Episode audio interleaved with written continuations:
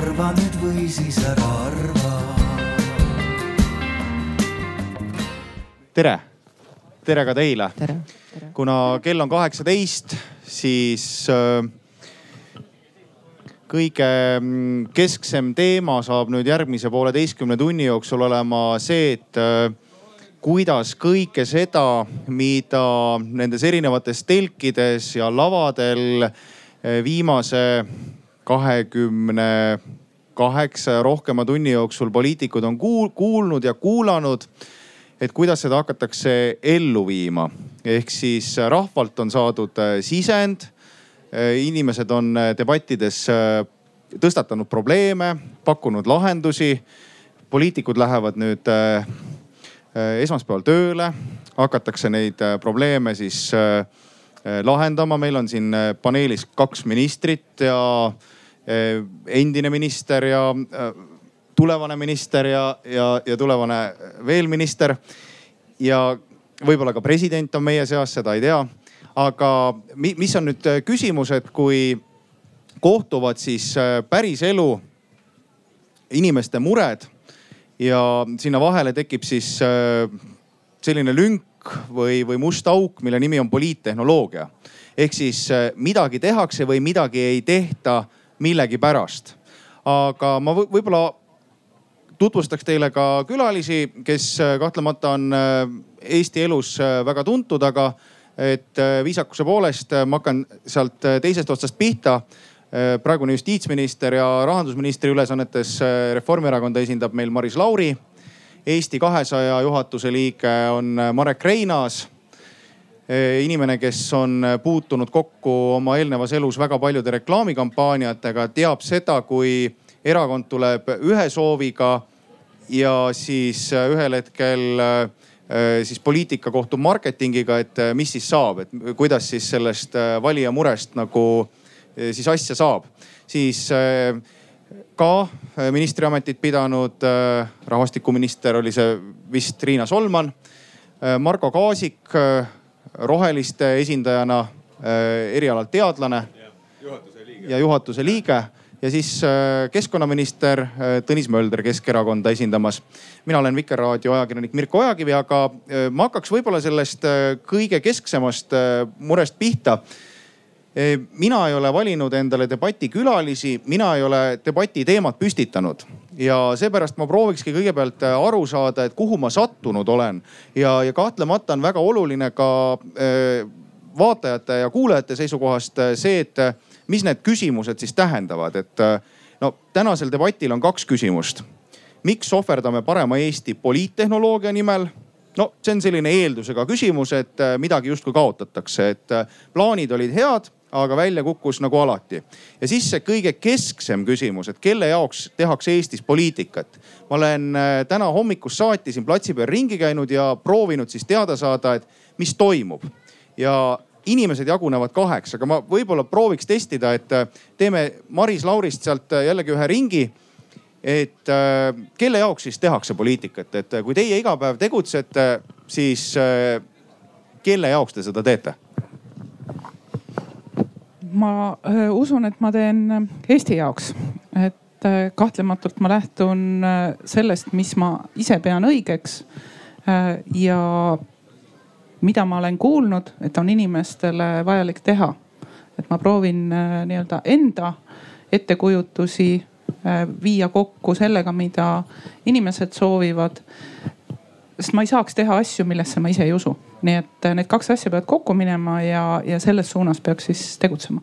nii, Marek poliitika on üks selline krutskiga värk, kus paratamatult tuleb arvestada, et seda tehakse äh, väga erinevate seltskondade jaoks. ma arvan, et äh, üks, kelle jaoks poliitikaid tänapäeva Eestis tehakse, on äh, poliitikud ise ja, ja oleme ausad see, et Eestis on professionaalsed poliitikud ja see ongi nende igapäevatöö, siis on täiesti arusaadav, et mõnes mõttes nad teevad seda iseendale aga see, mida nad teevad, loomulikult me saame aru, et äh, rahvas Eesti ja äh, ülemaailmne rahu on see, mille nimel seda tehakse. ilmselt tehakse poliitikat, kui me räägime poliittehnoloogiast ka meedia jaoks.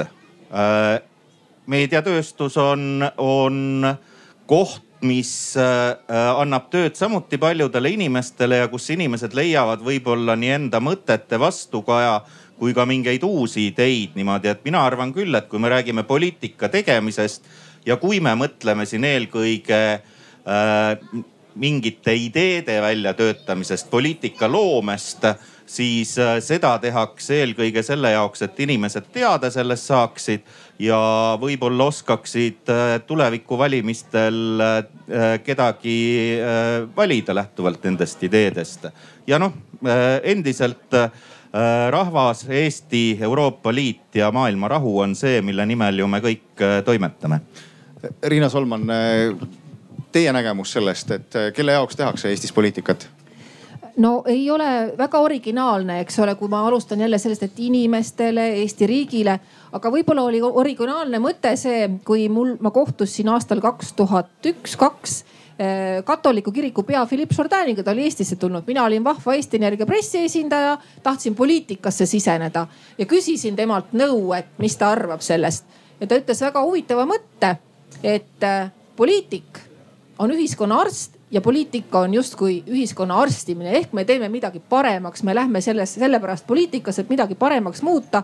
ja kui me räägime, et poliittehnoloogia justkui on väga paha asi, noh, see tonaalsus sellel teemapüstitusel oli selline, et kas me nüüd ikka sellepärast sellist Eestit tahtsimegi või? Et siis tehnoloogia iseenesest ei ole ju halb ega hea, vaid teda ikkagi leiutatakse või kasutatakse mm, vahendina millegi saavutamiseks. Ja kui me meditsiinivõrdluse juba tõime, siis äh, seal on ju ka tehnoloogiad, uued tehnoloogiad päästavad inimelusid, eks poliitika ja poliitika tegemine on ka selleks mõeldud. iseasi, kuidas inimesed seda kasutavad ja mina olen üsna kindel, et meie tänased laval olijad on selles plaanis äh, väga eetilised. Marko Kaasik äh, ma hakkan siit sõnast kinni äh, sellest, et poliitika on ühiskonna arstimine. üks Brasiilia arstiharidusega poliitik ülemöödunud sajandist, kellel oli muuseas väga suur roll äh, orjanduse kaotamisel Brasiilias. Äh, tema nimi oli Adolfo Becerra de Menezes.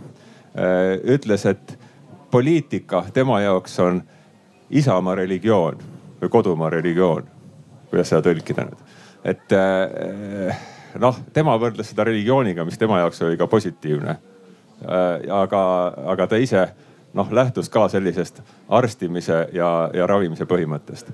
aga äh, nüüd meie äh, praeguse ühiskonna juurde tulles äh, ma ütleksin, et ähm, noh, praegu meie demokraatlikus ühiskonnas poliitika peaks olema ikkagi lähtuma sellest, kuhu enamus inimesi tahab teda tüürida, tahab seda ühiskonda tüürida ja aga sealjuures ei tohi eh, haiget teha vähemustele.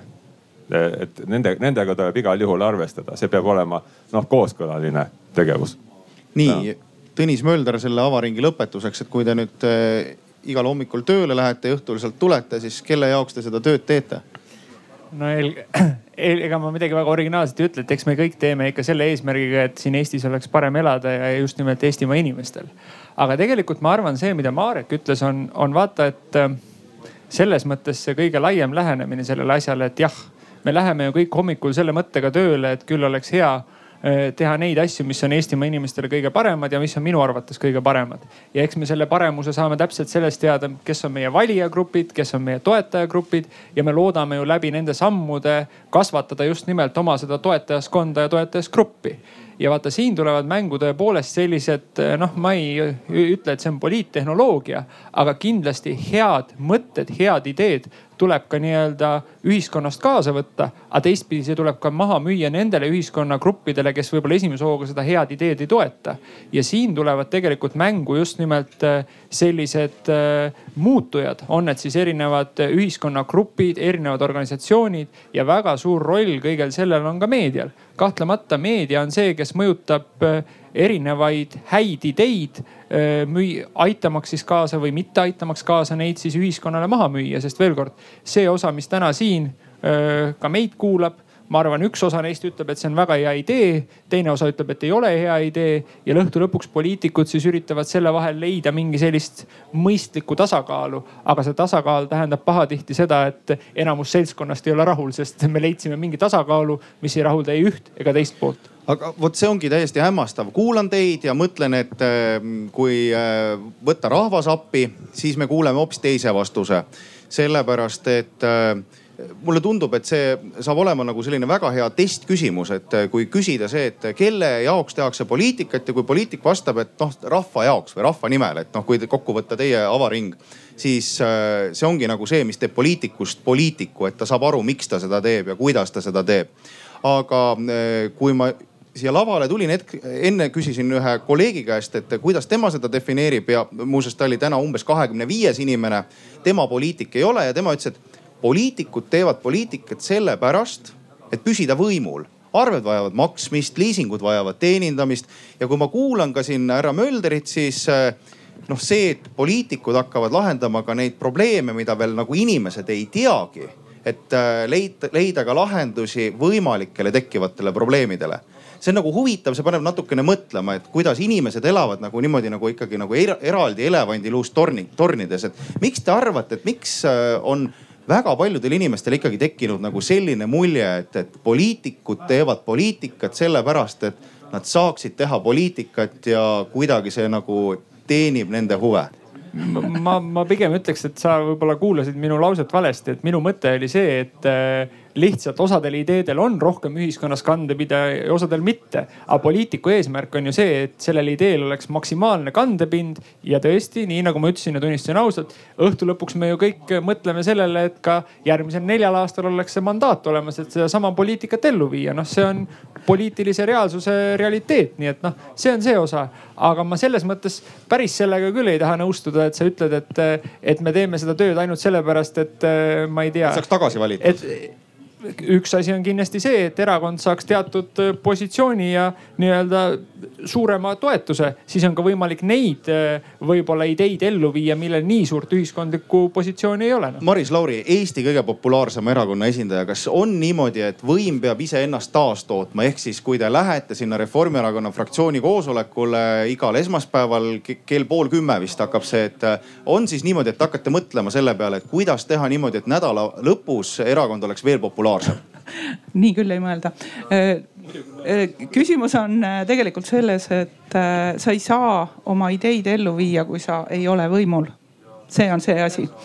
selleks, et ideid ellu viia, sa pead olema võimul. ja noh, ütleme, see on sihuke dissonants teatud mõttes, eks, et see tekitabki mulje, et pingutatakse võimu nimel. aga võimu on vaja selleks, et ideid ellu viia. jah kindlasti on ka poliitikas inimesi, kellel on isiklikud kasud. aga äh, ma arvan, et neid on nagu tugev vähemus, üksikuid kindlasti.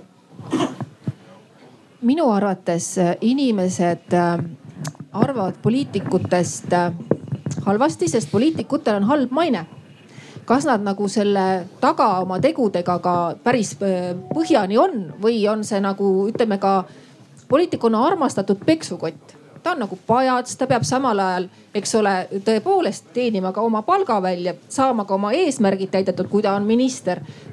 ja ka veel tagasi valitud, eks ole, sest et tal on pikad eesmärgid. aga ta on kogu aeg valgusvihus.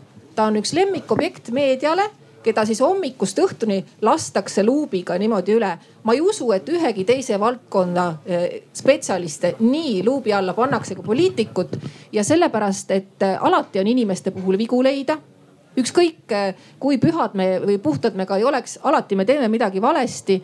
me satume sinna vihku, seda võimendatakse ja me ei ole populaarsed. ja sellest on väga kahju ja loomulikult on osa poliitikuid väga teenitult halva mainega. Eh, kindlasti saab ähm, pöörata pilguga meedia esindajate poole, kui me rääkisime, et poliittehnoloogia on pigem paha asi, nagu pealkirjast jäi mulje, siis äh, võtame näiteks meediakanalite tehnoloogiat, jätame ERR-i välja, teil on oma eesmärgid, siis seal on ju äh, tarvis klikke, loetavust äh, ja seda on vaja tõsta ja seda tegelikult tõstetakse tehnoloogia abiga. mingisugune pisikene asi võimendatakse väga suureks. ma toon ühe hästi äh, kurva näite viimasest nädalast suri kaks tuntud inimest Eestis. Jaan Kaplitski ja Viivi Sõnajalg et tõepoolest, et kaastunne perekondadele. Jaan Kaplinskist oli vaevalt, ERR-is oli uudis ja olid mõned järelehüüded ja Viivi Sõnajalast tootis meediamasin klikke. Toodi esile kõik perekonna halb pool, mis nagu sellisel hetkel ei ole isegi kohane. No ja sama tegelikult juhtub poliitikutega, et tehnoloogial on oma plussid, tehnoloogial on oma miinused aga et poliitikud võiksid olla paremad, no selle poolt ma olen sada protsenti. ehk siis ma saan aru, äh, ka poliitikud üritavad tekitada mõned teemad, mis võib-olla ei ole seotud üldse päriselu probleemidega, nendel tahetakse rääkida, inimesed saavad nendest lihtsatest teemadest äh, aru ja siis äh, põhimõtteliselt päriselu probleemid jäetakse kuhugi kõrvale on see nii? no, no sisuliselt on niimoodi, et meediatööstus on omaette tööstusharu, omaette majandusharu et ta tegelikult päris elus. ei, ma proovin poliitikast rääkida. ja, et kui poliitik täpselt proovib rääkida sulle, et teeme seda poliitikat, parandame perekondade elu, teeme siin rohepööret, siis tegelikult kiputakse poliitikut ja tema eraelu detaile nagu pigem nagu esile tõstma, mis ta seal tegi, mis ta seal sõi ja jõi, et mitte ei räägita olulisest ja vajalikust, sest see tundub igav. nii, Kaasik ja Reinas ma võib-olla ütleksin äh, seda äh, märkust, et äh, Äh, äh, see, milline on poliitik nagu halvas mõttes, me kõik nagu oskame ette kujutada. aga ma arvan, et üks äh, võib-olla hea poliitiku, aga miks mitte öelda ka riigimehe definitsioon on see, et ta ei mõtle mitte rahva peale, vaid ta mõtleb järgmise põlvkonna peale. sest selles mõttes ma olen nagu täiesti nõus, et poliitik peabki ette nägema tulevaid äh, probleeme ja, ja enam-vähem suutma ennustada, mis hakkab juhtuma. tal on selle jaoks abiks loomulikult teadlased, tal on selle jaoks abiks äh, miskit laadi sisetunne. aga ma arvan, et see on hea poliitiku üks äh, omadus ongi see, et ta oskab vähemalt iseenda jaoks sõnastada, milline see maailm saab olema kahekümne ja kolmekümne aasta pärast ja üritab inimestele selgeks teha, mis neid ees on ootamas ja kuidas võib-olla neid probleeme vältida, mis seal saaks olla, et võib-olla selline äh, kelle jaoks teeb poliitik poliitikat. minu isiklik arvamus on, et ta peab seda tegema tulevaste põlvede jaoks. nii ja,. jah, äh, ma, ma ütleksin seda, et äh, kui, äh, kui on tegemist noh, poliitik ei, ei arvesta sellega, mida mida rahvas tegelikult tahab, eh, siis on tegemist vigase demokraatiaga. Ja Eestis on need vead küllaltki suured. Eh, ja noh, me, me näeme, mis, mis, mis toimub ja sellest on, sellest on see maine ka pikkade aastate jooksul kujunenud. me kuulume selles mõttes, me kuulume nagu Lõuna-Euroopasse, kus on noh Kreeka, Itaalia, Hispaania, me teame, noh, seal on samasugune maine poliitikutel. põhjapool on hoopis midagi muud. tuleme hästi lihtsa näite juurde, et eh, mis, mis on päriselu, kus on probleem, eh, mis on poliittehnoloogia, et äh, siin ei möödu poliitika teemadel mitte ühtegi arutelu, kus ei räägita presidendivalimistest, et võtaks sellesama presidendivalimiste valimiste teema, et noh, hästi lihtne oleks teie kõigi käest küsida, et kellest saab järgmine Eesti Vabariigi president. ma arvan, et igas fraktsioonis on mingisugune ettekujutus sellest, mis see isikute ring võiks olla, et no Maris Lauri, kellest võiks teie arvates saada järgmine Eesti Vabariigi president? ausalt öeldes hetkel ei oska öelda, aga kindlasti leitakse. no te olete äh... nagu Jüri Ratas, kes ütleb, ta on mees või naine ja aga kui me vaatame meie põhiseadust, siis see põhiseadus ongi tekitanud sellise olukorra, kus tuleb leida ühisosa ja see ühisosa leidmine on äh, olnud seekord ülimalt keeruline, tunnistame üles, eks, et erinevad, ma, ma kujutan ette, et vähemalt meie fraktsioonis oli küll nii, et neid ideid ja nimesid oli terve hulk. ja siis mindi teiste juurde ja küsima, et kas see sobib ja teistel ilmselt olid ka, aga noh, selgus, et ühisosa ei ole piisavalt. kas see on ka osa poliittehnoloogiast, et kui äh, küsitakse, et kes see inimene võiks olla, et siis õige poliitik nagu oma eelistusi välja ei ütle, sest siis ta kuidagi kitsendab seda oma läbirääkimiste ruumi, et kui ta oleks siin praegu öelnud, et noh, et see võiks olla Kersti Kaljulaid, siis äh, see justkui oleks nagu midagi kas ära võtnud või, või kellelegi juurde andnud, et noh, et sotsid kuuleks. Minul on muidugi väga hea öelda, sest et eh, kui valitsus püsib, siis mina seda valikut tegema ei pea ja minul ei oleks küll raskusi, kui president jätkaks. Marek Reinas, kes võiks olla järgmine Eesti president? Äh, ma arvan, et sa ütlesid välja, et äh, mina isiklikult arvan, et ta võikski olla Kersti Kaljulaid. ma ei näe mingit põhjust, miks äh, otsida väga hea inimese asemel võib-olla mitte nii väga head inimest, aga see küsimus on selles mõttes peaks olema suunatud ainult ühele inimesele. Eesti Vabariigi põhiseadus ütleb väga selgelt, et presidendi peab valima parlament. noh ja edasi siis, kui ta ei saa hakkama, siis igasugused muud variandid. Eesti Vabariigi parlamendi esimees on Jüri Ratas ehk siis, kui nüüd nagu vaadata sirgjooneliselt, kelle käest üldse Eesti Vabariigis võiks küsida seda küsimust, kes on järgmine Eesti Vabariigi president, siis sellele vähemalt mingilgi moel peaks Jüri Ratas suutma vastata või vähemalt oskab öelda, kuidas me hakkame siis seda inimest otsima. ma arvan, et Jüri Ratasel paraku peas mõlguvad aga hoopis muud mõtted. nii Mölder teab vastust, mida mõtleb Jüri Ratas? ei, ma tahtsin lihtsalt öelda seda, et see muidugi näitab seda, et Marekul seda parlamendi kogemust ei ole ja siin need poliittehnoloogiad, mis tegelikult selle aruteluga kaasas käivad, see kogemus läks praegu sul nagu vett vedama. Ma nõustun siin Mirkoga, muidugi igal erakonnal tulles välja mingi kandidaadiga või mitte välja tulles mingi kandidaadiga, üks suur soov on leida Eestile hea president.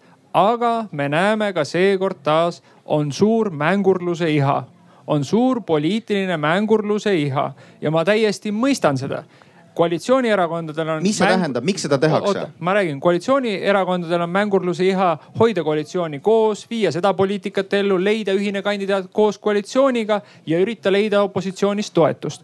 Opositsiooni eesmärk on võimalikult suur kiil lüüa sinna koalitsiooni vahele, sest siis on neil jälle võimalus tulla koalitsiooni laua taha ja viia oma ideid paremini ellu. oot, oot, oot, oot, ma tuleks selle kogu, ma aga... tuleks, üks moment, ma tulen selle diskussiooni alguse juurde, aga seda kõike tehakse ju inimeste nimel, rahva nimel, et rahva elu oleks parem mida olen... võidavad need inimesed siin? aga, aga sellepärast ma ütlengi, et sa ei luba mul lõpuni öelda. mina arvan, ma tean, mida Jüri Ratas tegelikult mõtleb. Jüri Ratas ütles, et rahvas võikski seda presidenti valida, siis ei oleks seda poliittehnoloogiat, see oleks kadunud, siis oleks reklaamkampaania ja vaata mõningad poliitilised nõksud. aga tegelikult ma tahtsin seda öelda ma olen üpris veendunud, järgmise nädala algul me kuuleme presidendikandidaati, kas ta on mõne erakonna oma, kas ta on koalitsiooni oma, tuleb ka sinna opositsioon taha see on, ma arvan, tundide küsimus, aga seda nime me kindlasti kuuleme.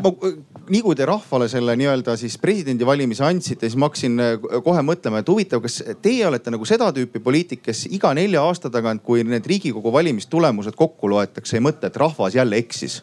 ei, absoluutselt, rahvas kunagi ei eksi, see on ju selles mõttes lakmuspaber ma ei tea, kuskil teises töökohas oleks iga nelja aasta tagant äh, selline arenguvestlus, et kui sa seda ei läbi, siis aitäh sulle, paki oma asjad ja sõida koju ära ma tegelikult ütleks siia vahele, et ma ei arva, et seda mängurlust on nüüd nii ülemäära palju, et opositsioon ja koalitsioon ja kõik. muidugi mõeldakse läbi, miks Jüri Luik ei oleks võinud olla Eesti president, oleks võinud, aga poliittehnoloogia tõepoolest ütleb seda, et kui sa käid ta varakult välja, ta lastakse ribadeks, lastaksegi nii nagu on ka endised kandidaadid ja mitte siis poliitikute poolt. ma arvan, et vaatame jälle mingisugust teist sektorit samamoodi, kes osaleb poliitikas, on küll. nii, meil oli, kes on siis Isamaa kandidaat, olekski võinud olla Jüri Luik. ma pakun veel ühe hea kandidaadi välja, Jaak Aaviksoo. Keskerakond on vastu, laseb ribadeks nagu välja käima, juba alustas, eks ole mis puudutab siis seisukohta, kas Kaljulaid võiks olla või mitte. minu isiklik maitse on, Kaljulaid on väga aktiivne, tubli naine, aga tema sobib äh, tegevpoliitiku ehk ministri rolli. tal on, tal on, valib poole, võitleb selle eest väga tõhusalt, paneb pusa selga sõnumi peale.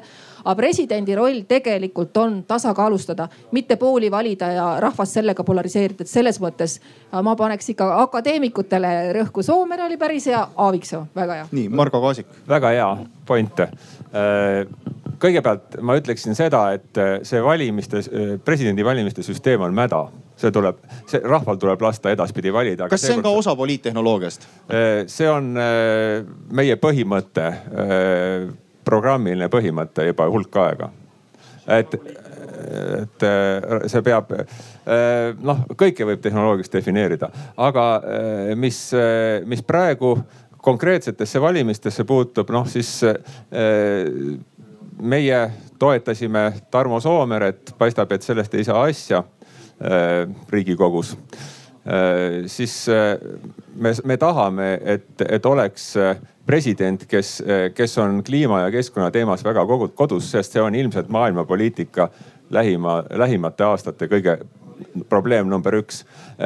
Meie, meie teine kandidaat, keda me toetame, on Aveliina Helm, Tartu Ülikooli kaasprofessor ja siis Alar Karis, kes on välja käidud, tema sobiks ka presidendiks meie arust, me eelmine, eelmistel valimistel juba, juba tõime selle esile. ja miks ka mitte, kui, kui praegune president jätkab, see on ka meie arust, meie arust päris hea variant.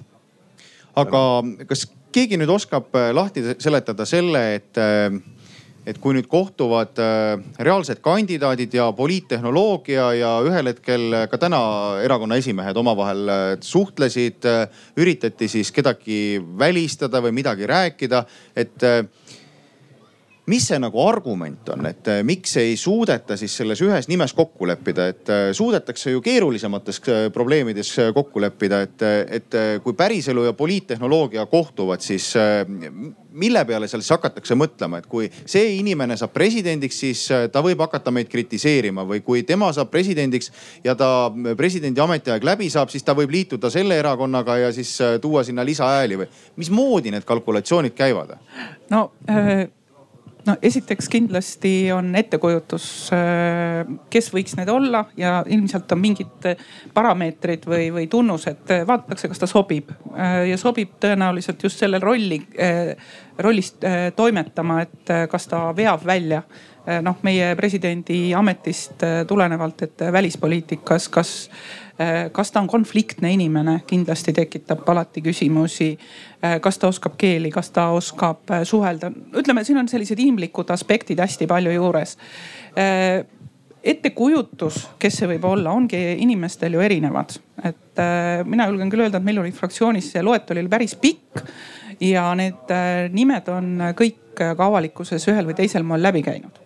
nüüd teistel võivad olla see järjestus teistsugune ja äh, ongi nii, et noh, et see, mis meil on esimeses kohas, on teistel võib-olla neljandal või viiendal, võib-olla seal lõpus, võib-olla ei ole üldse. on selge, et nendega siis ei saa esialgu vähemalt edasi minna, nii et hakataksegi tasapisi seda ühisosa otsima ja eks äh, mõnel võib peas olla ka see mõte, et noh, et mis edasi saab ja, ja, ja kuidas, kuidas see on, et kas see liigutab mingi tasakaalu kuskilt paigast ära. noh, meil üldiselt äh, on räägitud sellest, et äh, kui on peaminister ja president, eks, et see ei ole hea, hea noh, nii-öelda kombo eks. Noh, selline lähtepunkt on, aga mis, mis tähendab seda, kindlasti Reformierakonna kandidaatidel on keeruline äh, selles mõttes esitada konkreetselt.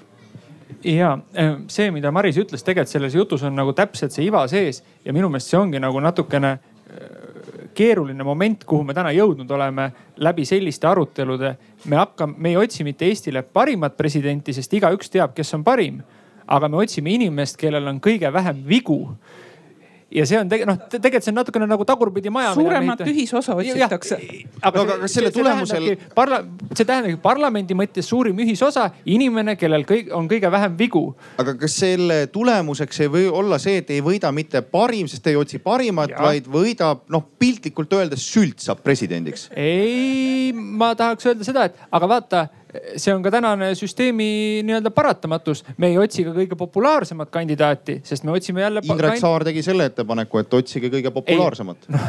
No, kõige populaarsemat see... saaks valida rahvas, sest rahva, see on nagu see paradoks. ainult siis me saame teada, kes on kõige populaarsem nii et noh, siin ongi selle süsteemi nii-öelda võlu ja valu, aga veel kord ma ütlen, selles mõttes eh, ka see, mida sina enne viitasid, ka siin on palju seda, miks seda debatti ei peeta avalikult läbi meedia sest sellega sa tegelikult vähendad mõne kandidaadi võimalust tulla välja õigel hetkel, õigel ajal. oot, oot, oot, oot, siin debatis on praegu nüüd äh, uudisväärtuslik koht, et ma saan aru, et äh, Möldril on kusagil tagataskus üks kandidaat, ta kogu aeg räägib sellest, et äh, keegi justkui on, keda ei julgeta välja käia, et kes siis on see kandidaat, kelle peale te mängite? nii nagu ma ütlesin suure tõenäosusega on see esmaspäev, teisipäev tuleb välja kas koalitsioon või siis ainult Keskerakond välja kandidaadiga, kes on meie parlamendis kandidaat, äh, keda me pakume siis teistele erakondadele, kas võtta või jätta. teistel erakondadel kahjuks tänases süsteemis puudub võimalus oma kandidaate üles seada. täna on võimalik seada ainult äh, kahel erakonnal, Reformierakonnal ja Keskerakonnal. see vähendab ka tegelikult teiste erakondadega seda läbirääkimisruumi nii, kas tõesti Enn Eesmaa on teel presidendi ametikohale? ma ei ole Ennuga sellel teemal rääkinud, nii et äh, nii palju kui mina tean, siis äh, üks oluline osa presidendi kandidaadi puhul on see, et see kandidaat ka ise peab olema nõus ja tegelikult see suvine debatt on näidanud seda, et on päris palju Eestimaa inimesi, kes on väga väärikad, väga lugupidamist äh, väärivad inimesed ja kellel on ühiskonna poolt väga kõrge äh, tunnustus. Aga millegipärast need inimesed ei taha tulla sellesse ametisse, sest nii nagu Riina ütles, see amet tähendab seda, et kõik sinu hommikusöögi nii-öelda detailid võetakse ka avalikkuse ees lahti ja see ei meeldi mõningatele inimestele. ehk siis osa poliittehnoloogiast või poliitikast või mängurlusest, kuidas seda iganes nimetada, on ka õige ajastus ehk siis Keskerakond on ära äh, taibanud selle, et see õige aeg on nüüd esmaspäeval või teisipäeval. praegu veel otsustatakse. Marek ma võib-olla head kuulajad tõlgin teile vahepeal poliitikute juttu ja, ja, ja kui poliitikud hakkavad rääkima ühisosast ja, ja, ja mingist sellisest äh, rõõmsameelsest kokkuleppest, siis põhimõtteliselt tahavad nad öelda seda, et Eesti Vabariigi president peab sobima praegusele poliitilisele süsteemile. ja ta peab sobima just nimelt nagu selle poole pealt, et ta ei tekitaks mingeid probleeme, kas siis ühest küljest järsku hakkab ise mõtlema, sunnike, või teisest küljest äh, hakkab mingeid Äh, seadusi kas riigikohtusse või kuhugi riigikokku tagasi peksma, sellepärast et jällegi tal on oma arvamus. ja seepärast äh, see ühisosa jutt tähendab tegelikult seda, et me vajame sihukest äh, normaalset kaas, käpikut vahvat sinna. kaaslast. vahvat kaaslast, kes põhimõtteliselt kogu selle poliitilise süsteemi nii-öelda aitaks püsti hoida ka sealt Kadrioru poole pealt. nii, siin on Marko jah, äh, ma, äh, ma põhimõtteliselt arvan sedasama, et see, et, et nüüd väga tõenäoline lahendus on see, et leitakse president, kellest ei sõltu midagi, kes ei arva midagi ja kelle pärast äh, järgmised aastad Eesti rahvas peab piinlikkust tundma. nii, Mar-. aga äh, las ma lõpetan oma mõtte ära Soome rahvas valib otse presidenti, meie peaksime sedasama tegema Maris Lauri, kas see inimene, keda siin äh, Marko Kaasik kirjeldas, äh, saab Reformierakonna fraktsiooni hääled ka? ei saa küll väga lihtne lugu. Äh, jälle Mina, meil ei ole presidenti. ma vaatan lihtsalt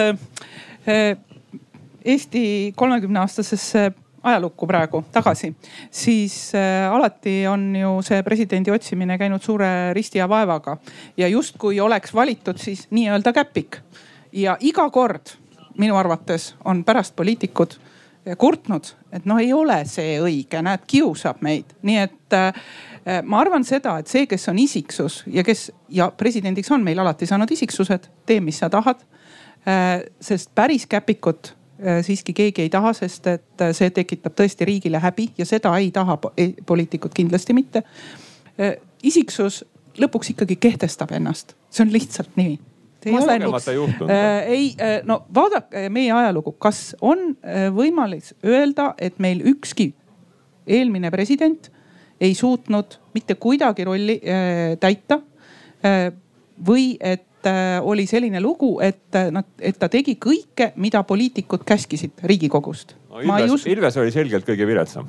minul on ka nüüd väike täpsustus äh, debatti ja iga president on minu arvates tagajärg eelmisele presidendile ehk ajastu saab viie aastaga justkui täis ja rahva ootus muutub ja nüüd on ka tegelikult ju teada, et igaühe käest küsid, otsima peab ühisosa, ei tohi olla lõhestaja.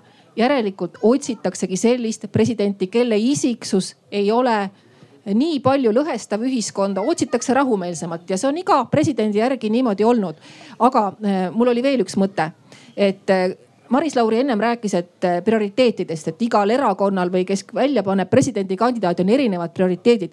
äkki siis peakski kokku leppima ja äkki me ootamegi sellelt presidendilt liiga palju, kõike, kõike, tal ei ole ju ametlikult nii palju võimu. meil peaks olema oluline, et väljapoole oleks president esinduslik, räägiks keeli, esindaks, oleks nii-öelda hea müügimees Eestile.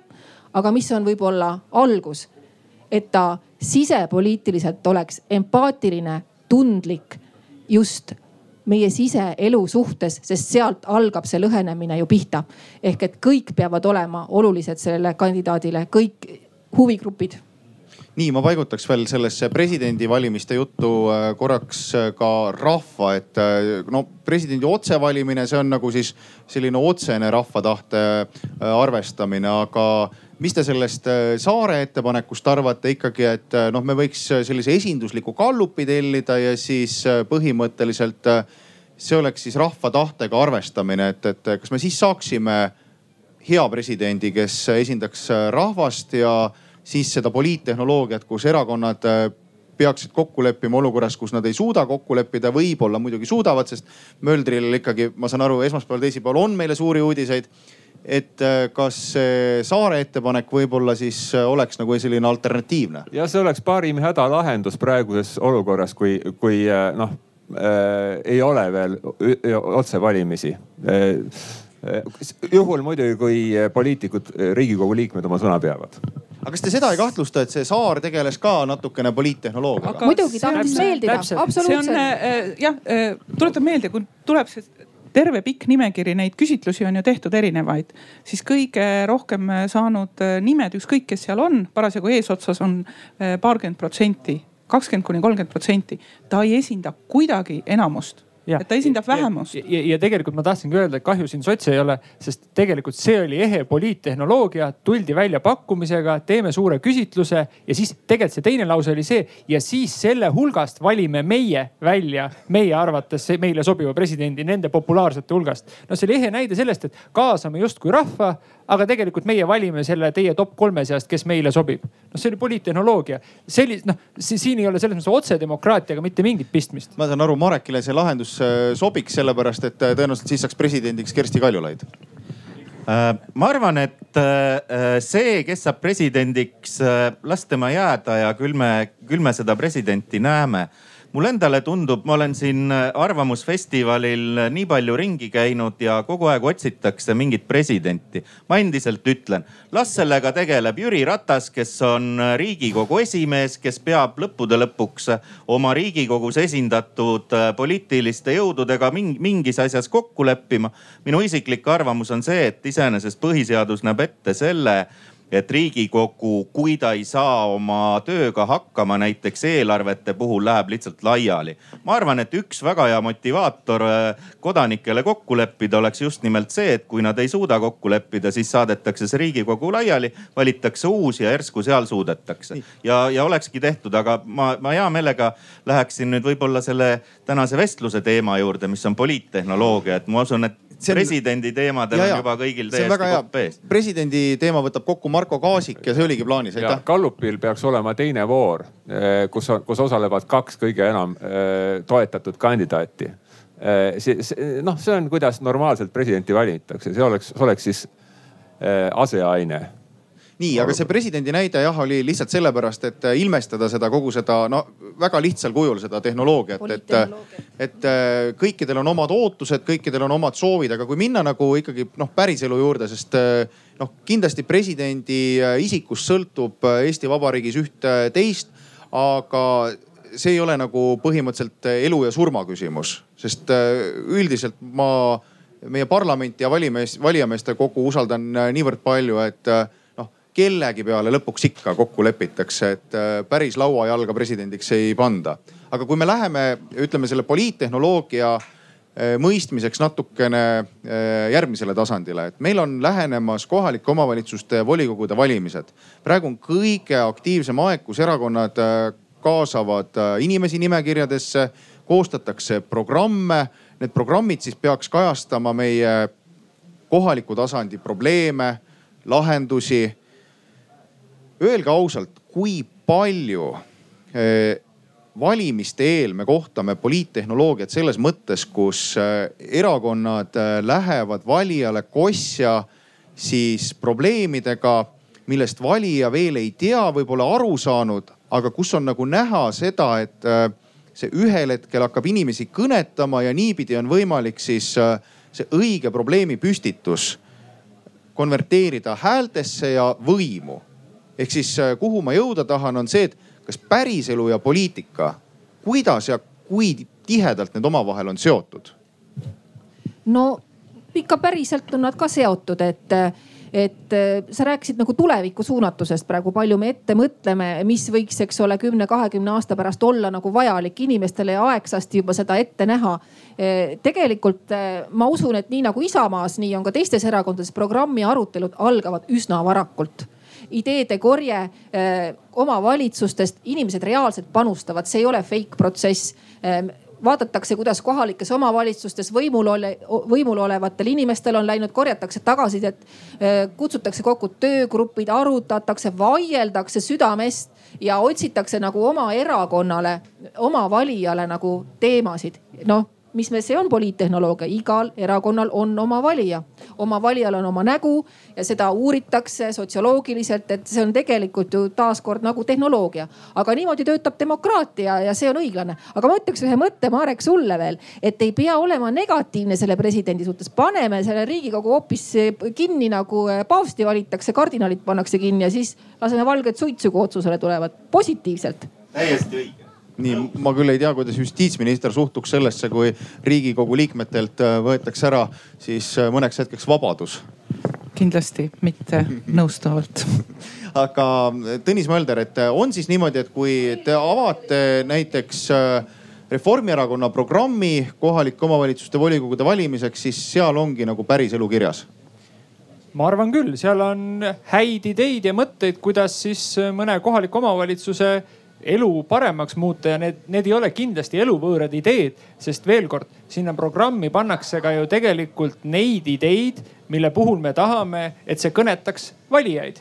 Ja et see tõesti kõnetaks niimoodi valijaid, et see valija läheks kõigepealt valimiskasti juurde või siis teeb seda e-teel ja siis annaks selle oma hääle vastavale erakonnale. see on ju tegelikult selline noh, see programm on peegeldus ühiskonnast saadud info alusel meie pakutava nii-öelda tulevikuvisioonile vastu. see on see, aga kust tuleb see poliittehnoloogia mängu, selles programmis ei ole, aga ta tuleb seal mängu, mis saab selle valimiste keskseks teemaks, mille üle see kõige suurem nii-öelda konflikt tekib erakondade vahel, seal on küll pisut poliittehnoloogiat, et noh, ma ei tea, kohalikel valimistel on see kindlasti võib-olla hariduse küsimus, et noh, teede üle väga pikalt ei saa nagu vaielda, et me võime ju vaielda, et kas, kui pikk või kui lai see tee on aga no väga ei kanna välja, meediat ka ei huvita. aga noh, haridusteemal võib-olla juba saab siis on kindlasti küsimus mingite kaasamisprotsesside teemal, vaat siin saab juba mingit konflikti luua.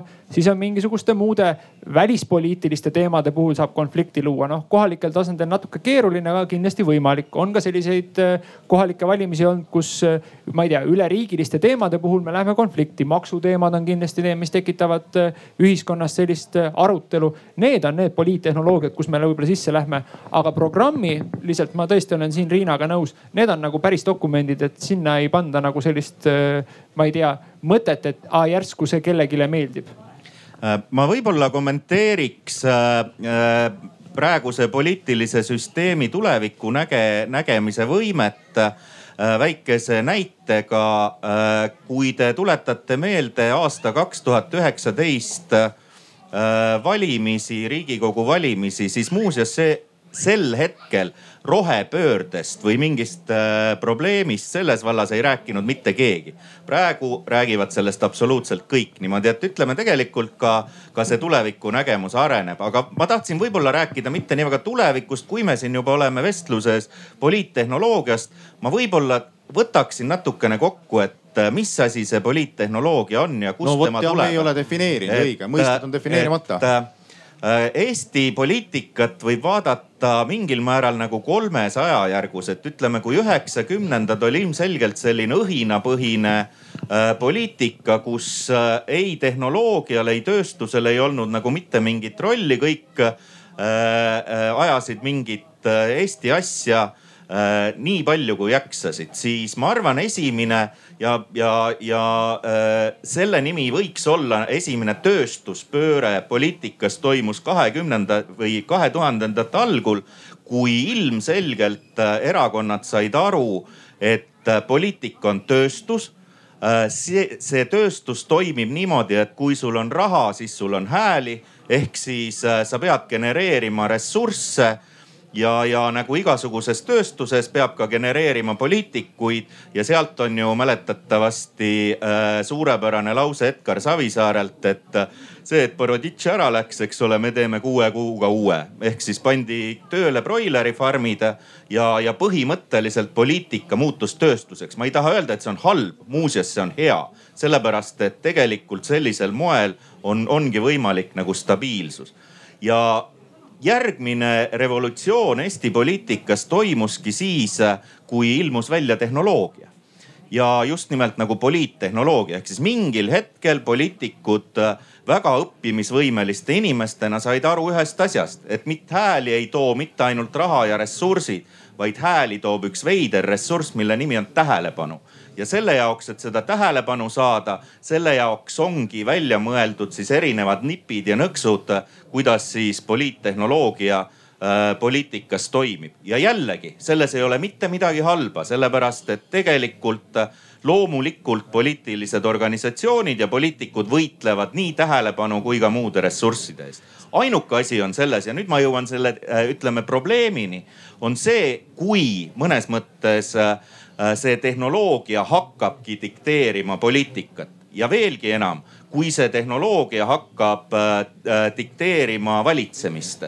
ja see on nüüd see, kuhu me oleme natukene jõudnud äh, oma poliitilise süsteemiga, ta on kokku jooksnud puhtalt sellepärast, et see masinavärk, poliitiline tööstus, mis seal taga on ja see poliitiline tehnoloogia, mis on appi võetud selleks, et võimul püsida, on jõudnud sinnani, kus me põhimõtteliselt saame väga halba valitsemist ja väga halba valitsemist saame me just nimelt sellepärast, et see mingil arusaamatul põhjusel toob hääli. väga hea, Reinas jõudis ajas täpselt viis minutit ette, sest ma oleks selle programmi jutuga tahtnud jõuda sellesse samasse kohta, et äh, siin poliitikud kirjeldavad, kuidas äh, need programmid on päriseluga seotud.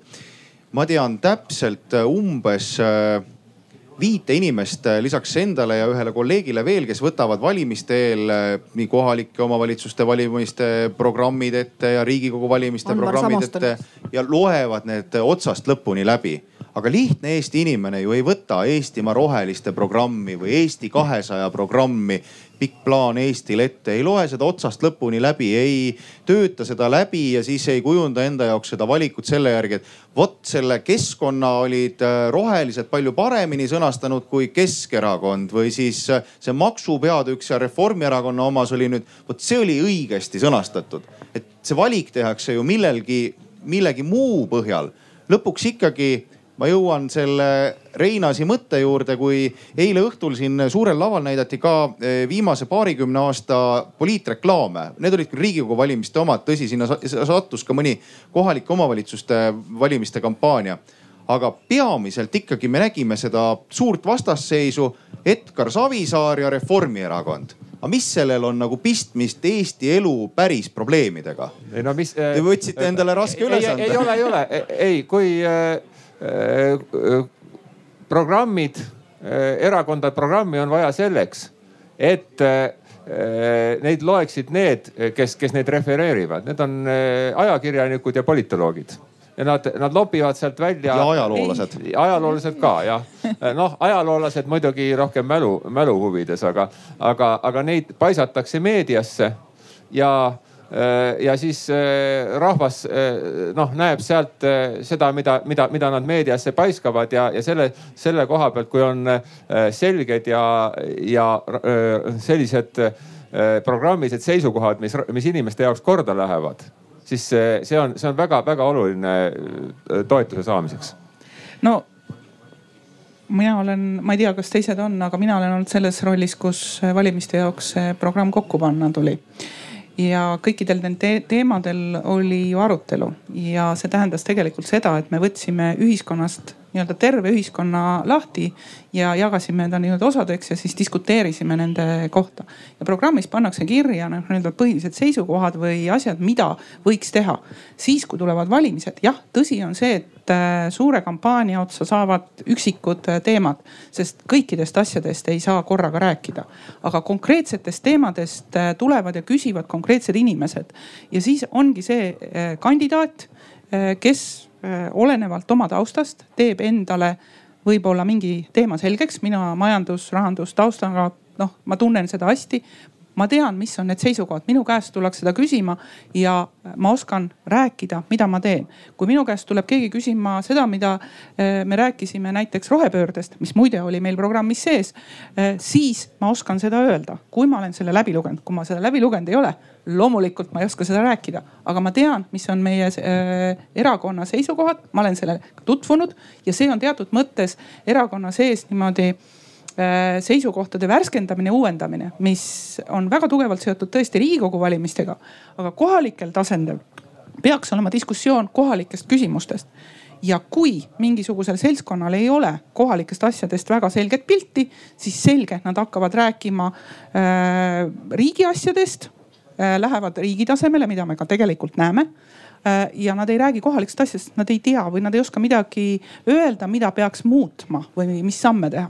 Et äh, see annab ka tegelikult pildi, kui räägitakse valdavalt kohalike omavalitsuste valimiste kontekstis riigi asjadest, järelikult kohalikest asjadest tegelikult ei teata. nii, aga Riina, teie olete ka olnud me, me, nii-öelda siis selles sektoris tööl, kus te teate, mis tähendab avalik arvamus, mis tähendab tähelepanu saamine ja nii edasi, et, et see Mareki poolt lauda toodud oluline argument, et need peavad ka inimesi kõnetama, tähelepanu püüdma, et ühel hetkel sellest programmist ikkagi saab kampaania osa.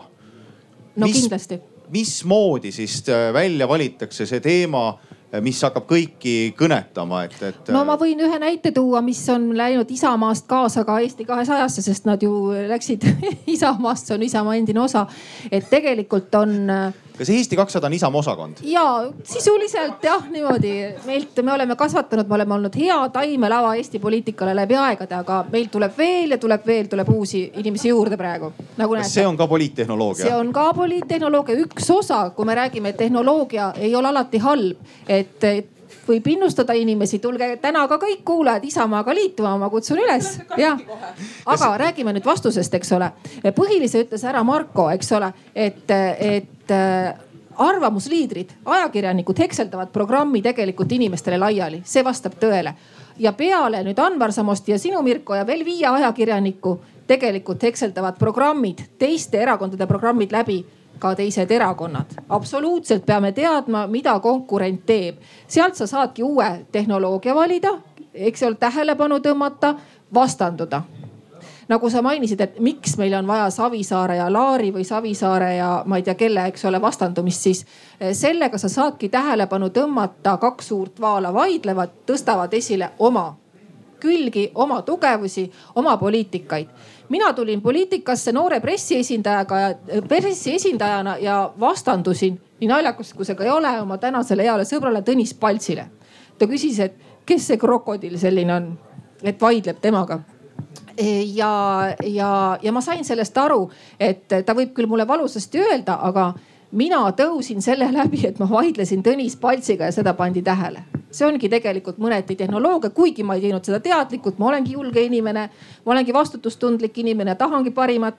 tegin seda siiralt, aga ta niimoodi piltlikult töötab nii, ma võtan ühe hästi lihtsa näite, see on nüüd äh, kohalike omavalitsuste tasandilt muidugi äh, väga kaugel, aga võib-olla see äh, kuidagi piltlikustab seda probleemide olemust, et minu meelest kõikidel riigikogu valimistel kusagilt üheksakümnendate lõpust on Keskerakond lubanud astmelist tulumaksu.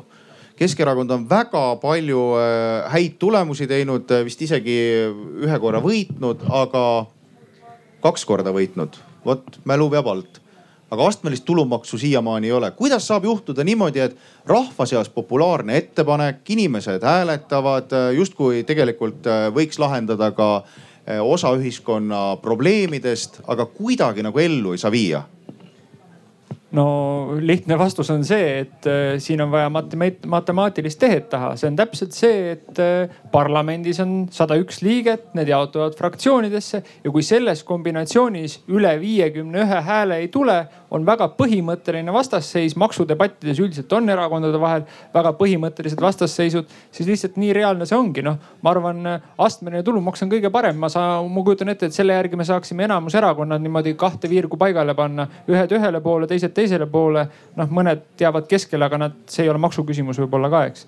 et äh, see on ka jälle tähelepanu soov olla kuskil mingi asja keskel. nii et tegelikult äh, see on väga lihtne jälle see olukord, kus tegelikult ka sul võivad olla head ideed aga sa pead leidma selle ühisosa teistega, see on see presidendivalimiste temaatika. aga mis ma tahtsin tegelikult öelda, see on täpselt see, millest ma enne rääkisin, ma tulen korra selle programmi juurde tagasi. Täpselt programm võib olla nii hea kui tahes, aga mingitel teemadel tekib see valimiste konflikt ja vaata, see tuleb sealt välja noppida. Ja tegelikult see konflikt tekibki tegelikult mõne üksiku programmilise seisukoha üle. Ja see tekitab ühiskonnas ka seda arutelu, noh meedias arutelu, see on niisugune suur masinavärk, mis siis lõpuks käima läheb. Marek, te olete mitme reklaamikampaania juures, valimiskampaania juures lähedal olnud, et äh, öelge ku, ku, kuidas see võimalik on, et äh, kui hakata mõtlema, mis on äh, Eesti inimese keskmine palk või mediaanpalk ja kui vaadata neid Keskerakonna maksuastmeid, siis väga paljud inimesed võidaks. Nad justkui võiks hääletada ju Keskerakonna poolt, et saada rahalist kasu ja need madalapalgalised inimesed, kui vaadata ka hilisemaid äh, uuringuid, et kuidas siis mingid grupid hääletasid. Nad lähevad, hääletavad Reformierakonna poolt, mis ütleb, et ei, mitte mingil juhul astmelist tulumaksu et mis seal inimese peas toimub, et kuidas see poliittehnoloogiliselt nagu niimoodi ära tinistatakse inimene, et äh, kasu saaks ta Keskerakonna lahendusega, aga oma hääle läheb, ta annab Reformierakonnale, kes seisab rikaste eest see, mis äh, täpselt valija peas toimub, on äh, maagia ja müstika. ja kui me teaksime seda, siis me oskaksime neid valimisi iga kord võita ja, ja, ja põhjalikult. kõik meie erakonnad saaksid sada protsenti häältest. probleem ongi selles, et kui me räägime poliittehnoloogiast, siis see tegelikult tähendabki seda, et me loome seda mõttemaailma sinna pähe. vabandust, et see niimoodi on ja selles mõttes äh, härra Mölder on väga mitu korda öelnud ära selle, mis on enamus äh, noh, nimetame siis seda väikeseks poliittehnoloogia kooliks siin täna, äh, mis on nii-öelda poliittehnoloogia selline kõige olulisem mantra. Ja see on see, et maailm tuleb värvida mustaks ja valgeks. ehk siis konflikt ei saa ju mitte kunagi olla kolme osapoole vahel. Konflikt on alati kahe osapoole vahel ja see tähendabki seda, et luues konflikti kahe osapoole vahel, sa lood inimestel äh, ja, ja üks asi, mis on veel poliittehnoloogia teine mantra on see lihtsusta, lihtsusta, lihtsusta. järelikult sa peadki nende maailma, mõttemaailmas looma olukorra, kus äh, neil ongi ainult kahe asja vahel valida, kas üks või teine. see, kuidas see valik lõppude lõpuks äh, kukub, on nagu eriasi. aga selle koha pealt muuseas on Reformierakond ja Keskerakond nagu suurepärased nihukesed nagu tüüpilised võimuparteid, kus mõnes mõttes ei ole mingit vahet, kumb neist äh, Eestit valitseb, sellepärast et laias laastus nende peamine funktsioon ongi olla võimul ja tegeleda riigi juhtimisega, ükskõik kui hästi või halvasti see nagu välja kukub. aga täpselt nii see on, et äh, inimestel proovitakse luua äh, suhteliselt dualistlik maailm, kas jah või ei, must või valge, punane või sinine tegelikult inimesed on olemas ka kolmas, neljas ja viies ja kuues võimalus kindlasti, aga seda äh, ülita, üritatakse vältida. ma tuleks ikkagi selle debati algküsimuse juurde, et kelle jaoks seda poliitikat tehakse, et kuulates teid, siis ikkagi need kaks erakonda üritavad nagu taastoota võimu, nemad ei tegutse rahva nimel äh,. vabandust, aga ma arvan, et äh, äh riigi juhtimine riigi valitsemine käib siiski äh, selle nimel, et see riik äh, olemas oleks ja et need inimesed oleksid äh, piisavalt õnnelikud ja vähemalt või saaksid aru, et nad on õnnelikud, et nad põhimõtteliselt sind uuesti valiksid seda riiki juhtima. ja see on täpselt see, millega, kui sa küsid, et noh, et, et kas Äh, astmeline tulumaks kunagi tuleb või ei tule, siis ma arvan, see on alati olnud täpselt see valimislubadus, millest Keskerakond on alati valmis nõus loobuma võimu nimel ja ta ongi spetsiaalselt selle jaoks loodud, et luua konflikte ja pärast äh, see äh, ära unustada, mida lubati puhtalt selle jaoks, et järgmistel valimistel on tarvis ka midagi lubada. on ka vaja midagi lubada, ehk siis Äh, nii see nende võimuerakondadega on. no klaarime selle asja ära. Maris Lauri, kas see vastab tõele, see Reinase väide, et äh, esimese lubadusena Keskerakond alati sellest astmelise tulumaksu äh, plaanist nagu loobub, ütlevad, et ah las ta siis olla ka. ma pole ühegi läbirääkimise kõrval olnud, nii et ma ei tea, kas see on esimene, millest nad loobuvad, aga ma arvan, et just see reaalne arusaamine, mis on vastaspoolte või, või võimalike partnerite nii-öelda äh, Äh, valulävedeks, et mis mitte ei lähe, kus ei tule seda enamust kokku. meil on alati olemas koalitsioonivalitsused, eks, et äh, kas on äh, kaks või, või kolm partnerit, võib-olla mingil hetkel on viis-kuus, eks, mis läheb hästi keeruliseks. aga see tähendabki seda, et sa ei saa, väga keeruline on ellu viia mingit sellist ideed, millel teised partnerid on sügavalt vastu kui nad on vähe, vähegi natukegi poolt, siis saab teha, sest meil mingisugune astmeline tulumaks ju tegelikult on praegu. noh, sihukene tagurpidi, aga ta on olemas, nii et midagi ei saa, järelikult äh, oli olemas kahe teise erakonna jaoks oli see asi aktsepteeritav sellisel kujul kõik, nendel ei olnud nii sügavat vastuseisu sellele. kui vastuseis on väga tugev, siis ei saa seda sisse panna. osalt on Maris Lauril õigus, aga rohkem õigus on Marekil, sellepärast et kui Keskerakond räägib astmelisest tulumaksust, räägib Reformierakond ühetaolisest maksusüsteemist ja eelarve tasakaalust, mida ei tohi mitte mingil juhul laenurahaga heidutama minna, isegi kui su oma rahvas kannatab. et tegelikult on need sellised postulaadid, mida, mida nagu läbi aastate kaks suurt erakonda tõepoolest valimisvõitluses välja käivad ja selle järgi saab neid identifitseerida et selles mõttes ma panen kümme punkti Marekule. see vist on rohkem müük ja turundus, see ei ole vist poliitika sisu. no nii ja naa, no nii ja naa Eh, aga mul jäi ennem tegelikult Marekule vastamata, et kuidas me selle programmi ideekorje teeme, et, et see tegelikult tuleb ka elust enesest ja erakonnast enesest, et erakonna inimesed tulevad kokku ja arutavad ja korjavad. see vist ongi rohkem, mulle tundub erakonna inimeste jaoks, et neil oleks tunne nagu, et nad oleks kaasatud, osaleks kuidagi eh, milleski, mis on oluline. ma tegelikult usun, et, et kõigis meis, kaasa arvatud Keskis ja Reformis on see idealism säilinud. see mängurlus ja poliittehnoloogia, see kõik on tõsi, see käib kaasa, aga idealism, oma valijatele põhilubaduste täitmine, no eesti keele, kultuuri ja rahva säilimine, see on iga poliitiku südameasi Eestis. ma ei usu, et on teisiti, see peab olema Eesti riigi vaenlane, kes nii ei mõtle.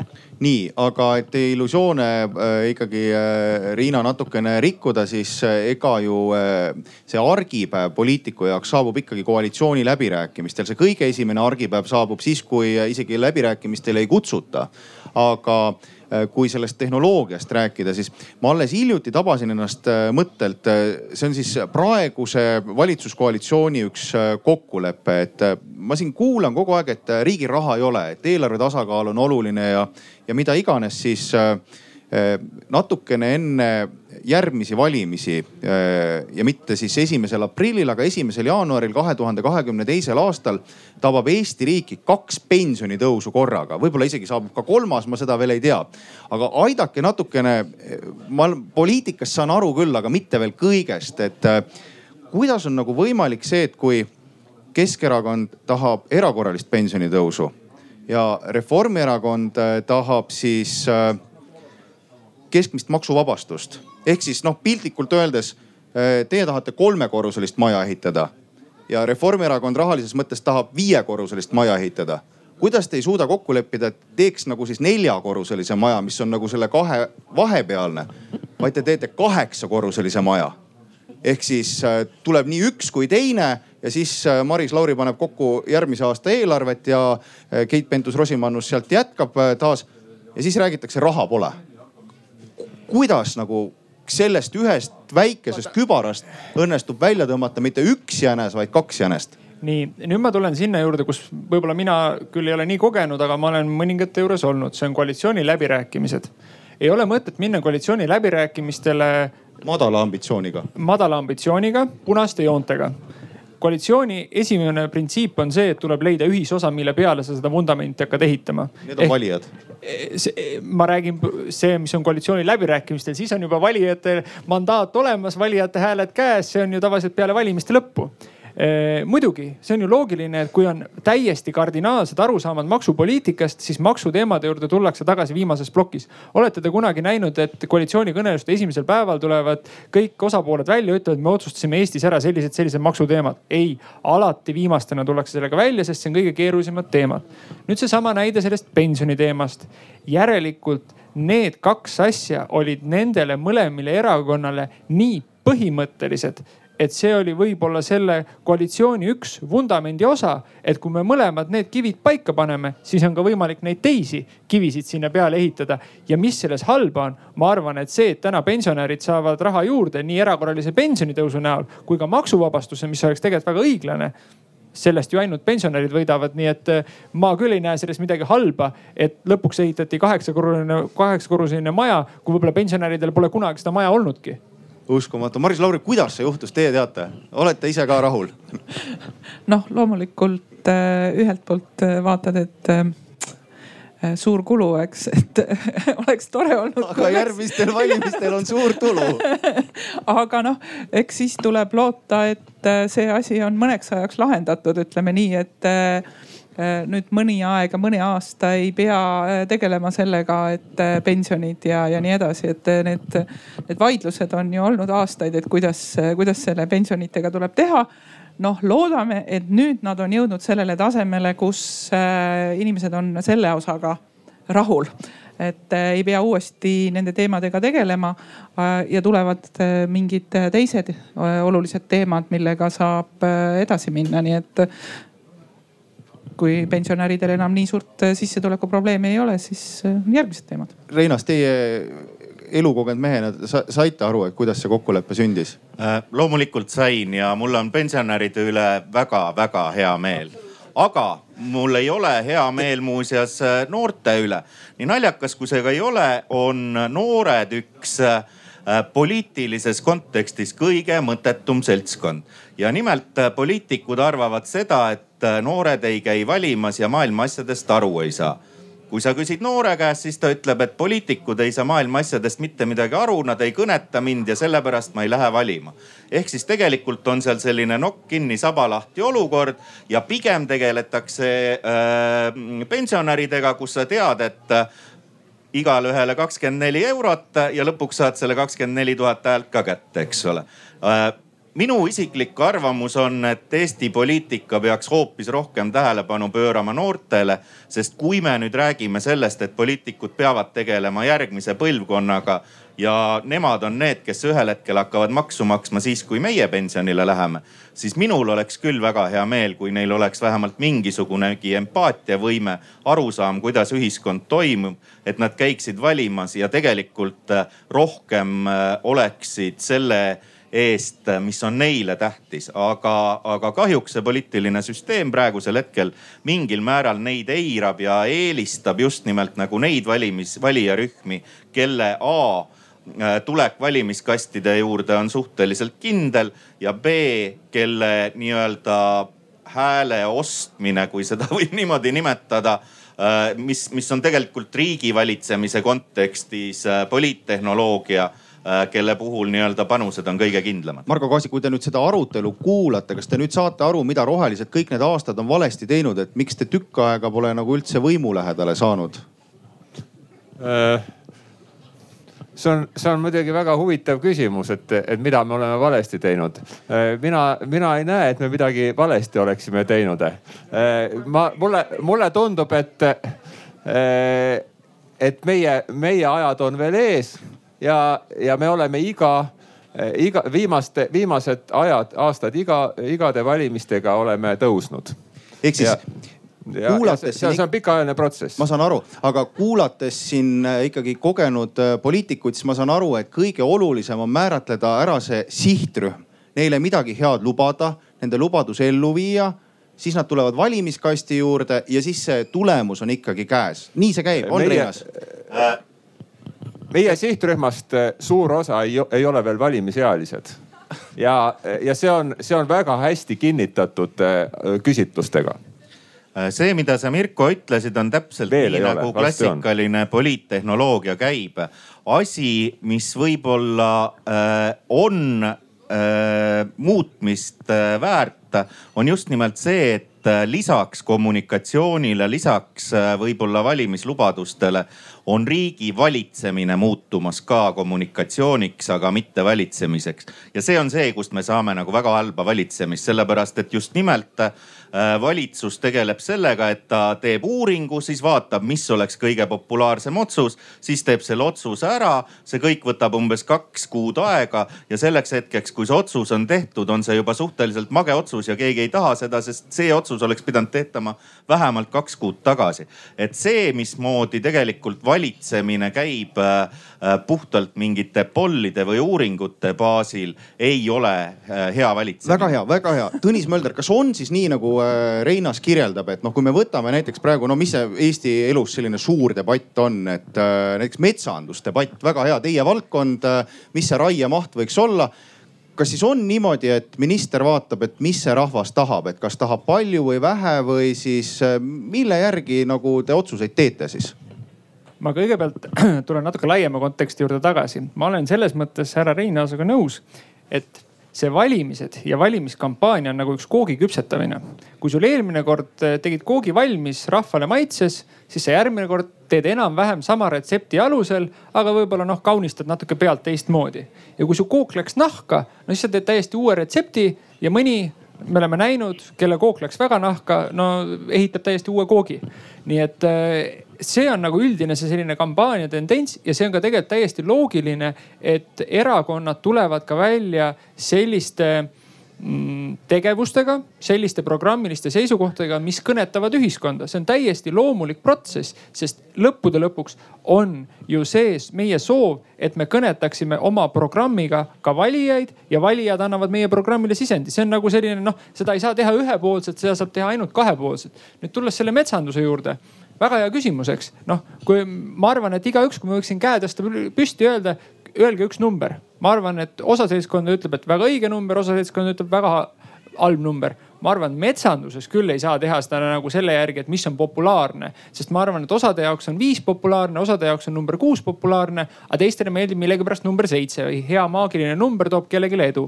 Et mõni tahaks, et oleks kaksteist või viisteist. täpselt, aga ma arvan, et see on see koht, kus tuleb, kui ma nüüd tulen korra sellest te tehnoloogiast välja ja küsi, ja küsid päriselt, kuidas seda tehakse, siis see on see koht, kus peaksid Eesti teadlased kokku leppima, mis on see jätkusuutlik number. ja minu meelest täna nad ka seda teevad, meil on metsanduse arengukava juhtkogu, mis koosneb just nimelt teadlastest, ekspertidest ja usaldame neid, kui nemad tulevad välja selle maagilise numbriga, mis jääb suure tõenäosusega kuskile kümne kanti, no siis usaldame neid ja teeme selle ära. nii ja kui äh, kümme öeldakse kusagilt välja, siis Marko Kaasik ütleb kindlasti, et seda on väga palju, ma tean juba. jah, seda on palju ja, ja., ja seda ütleb, seda ütlevad ka Euroopa Liidu teadusuuringud, mis on Euroopa Komisjoni poolt tellitud ja, ja, ja täpsemalt mitte, mitte meie, isegi meie konkreetse raiemahu kohta, vaid, vaid selle kohta, et biomassi põletamine tööstuslikult ei ole jätkusuutlik, see ei ole, see ei ole süsinikuneutraalsuse huvides, see on, see töötab vastu sellele ja, ja see ja vot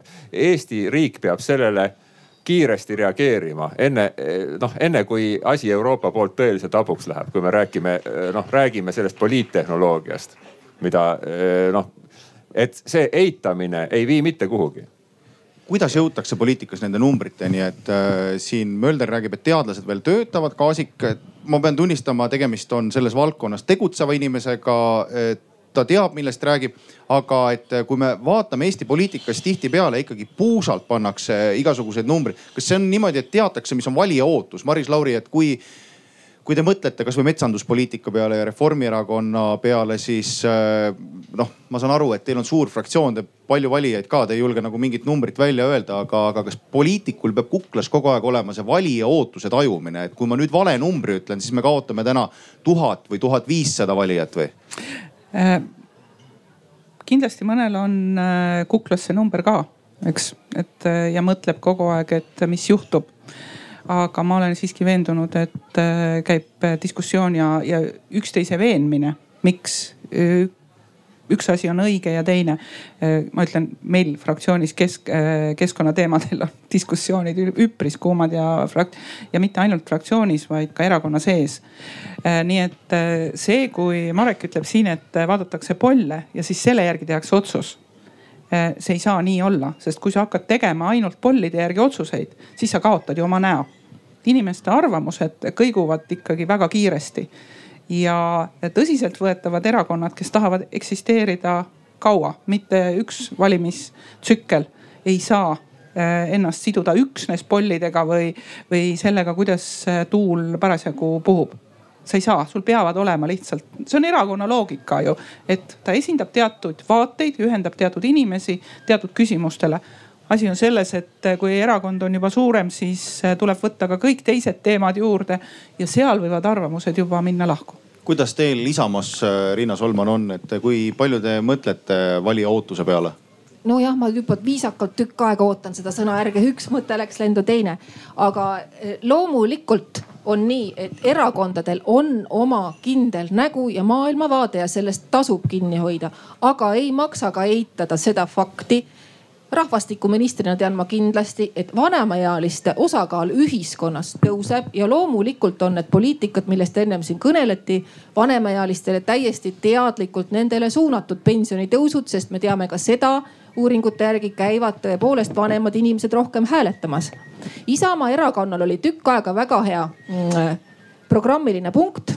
See on nüüd ka eelmises programmis oli ta ka juba Eesti kahesajal, sama asi, see oli hääl lapsele ja selle mõte oli selles, et kui on teada, et vanemaealised lähevad hääletama, suunavad poliitikud oma pilgu vanemaealistele, pakuvad neile poliitikaid ja unustavadki noored ära, pered ära, lapsed ära. see on sõnakõlksuks hea, aga poliitikaid ja, ja oma programmilisi punkte neile ei suunata see hääl lapse eest tähendas siis seda, et valimistel saavad lapsevanemad oma alaealiste laste eest veel lisahääle. Te jõudsite nüüd mm -hmm. poliittehnoloogia edasijõudnute kursustele, et ma nii kaugele isegi ei äh, suutnud veel ja, mõelda. aga sest... ma kommenteeriks natuke ka seda rohepöörde asja, et no näiteks me rääkisime metsandusest praegu. Äh, rääkides energialiikidest täna ei ole mõtet tulla Reformierakonnal tuumaenergiaga näiteks välja, kui inimesed tahavad rohelist poliitikat. mina ei ole tuumaenergia vastane, seal on täiesti äh, teaduslikult põhjendatud äh, argumendid, miks tuumaenergia võiks olla hea. me teame Jaapani katastroof, see mõjutas inimesi ja nii edasi. aga täna on rohepöörde ajastu, see oleks mõrv neile. Äh, või siis näiteks toon Tallinna linnavolikogust teile näite. viimasel aastal tõuksid ilmusid linnapilti ma mõtlen naisterahvana ise ka Pirital elan Kadriorus, liigun seal rattaga, et tõeliselt eluohtlik on nende ratastega kihutamine.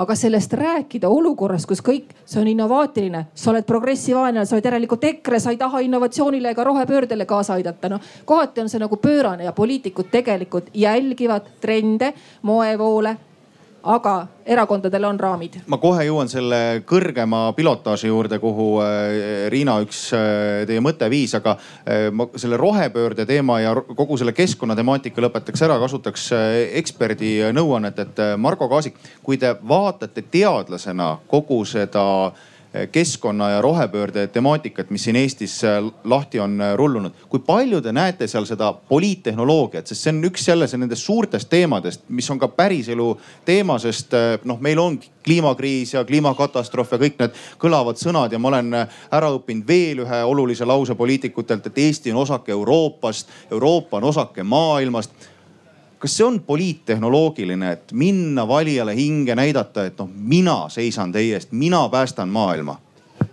no see, pigem on see eitamine noh, või eda-, kas, äh, kas kliima äh, eitamine, noh nagu EKRE on teinud, kliimamuutuste eitamine või, või, või see nende meetmete edasilükkamine, see on, see on poliittehnoloogiline olnud. kui me, kui oleks paarkümmend aastat tagasi selle põlevkivitööstuse vai, valutu kinnipanekuga tegelema hakanud, siis ei oleks praegu seda, neid hädasid, mis, mis seal on, eks ole, et kohe, kohe-kohe on, on kvoodid nii kõrged, et mitte midagi enam ei saa. ja, ja mis me nende inimestega siis teeme et see, selle, selle noh see on üks nendest probleemidest ja, ja nüüd, nüüd algavad, algavad uued, eks ole, metsaküsimus, eks ole.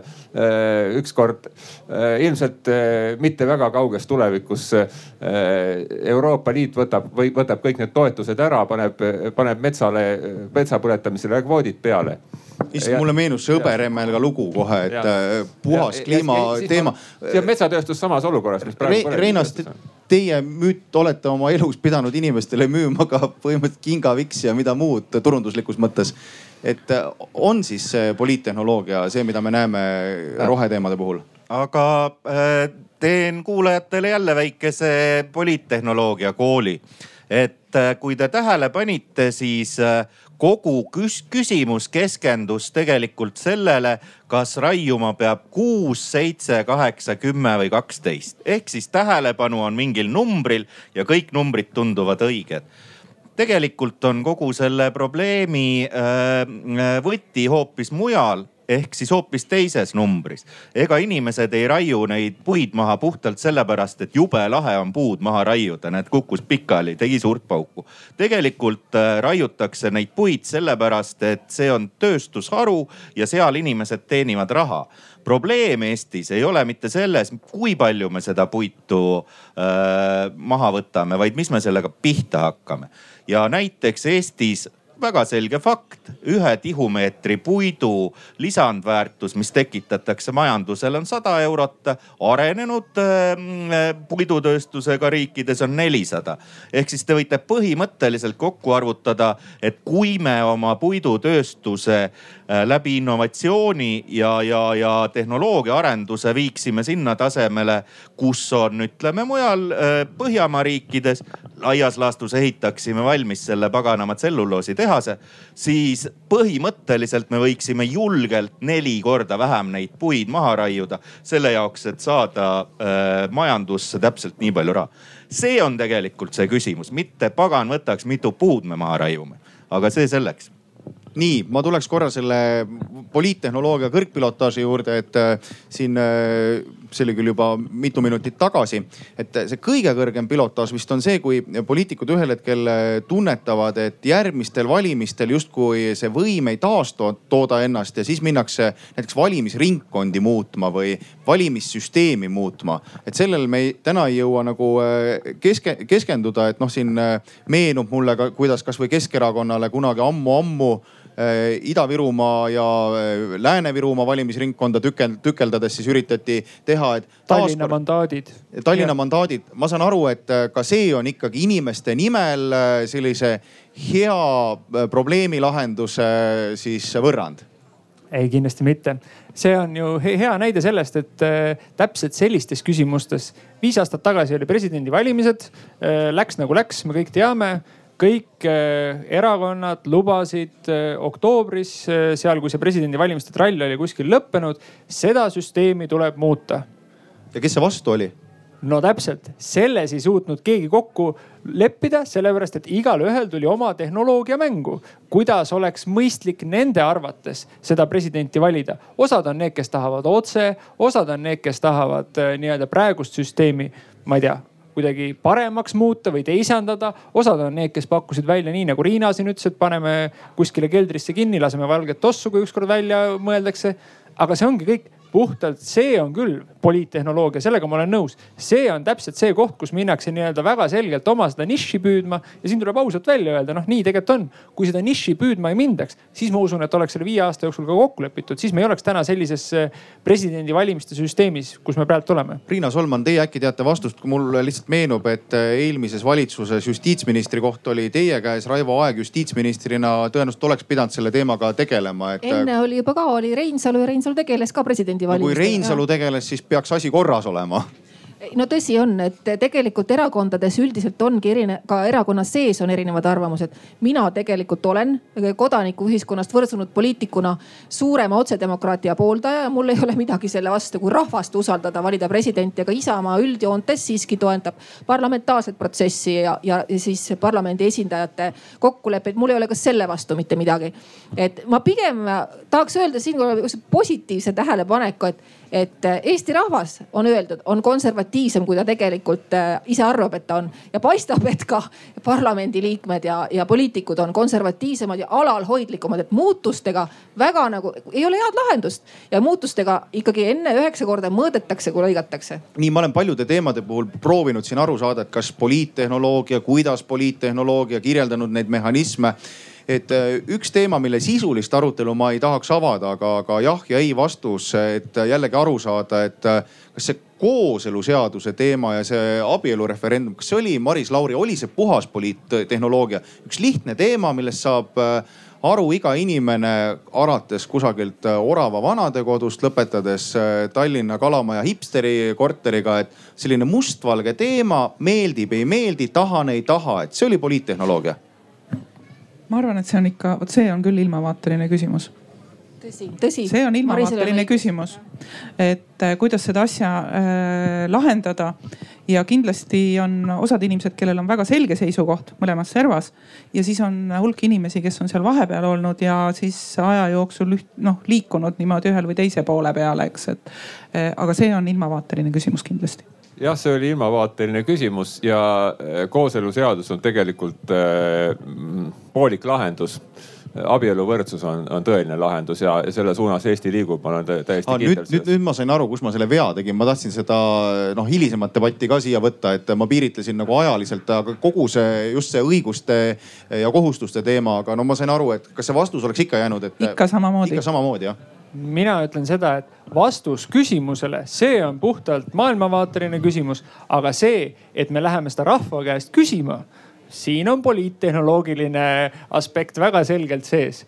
me oleks võinud küsida ka midagi muud, kas teeme Eestisse tuumajaama?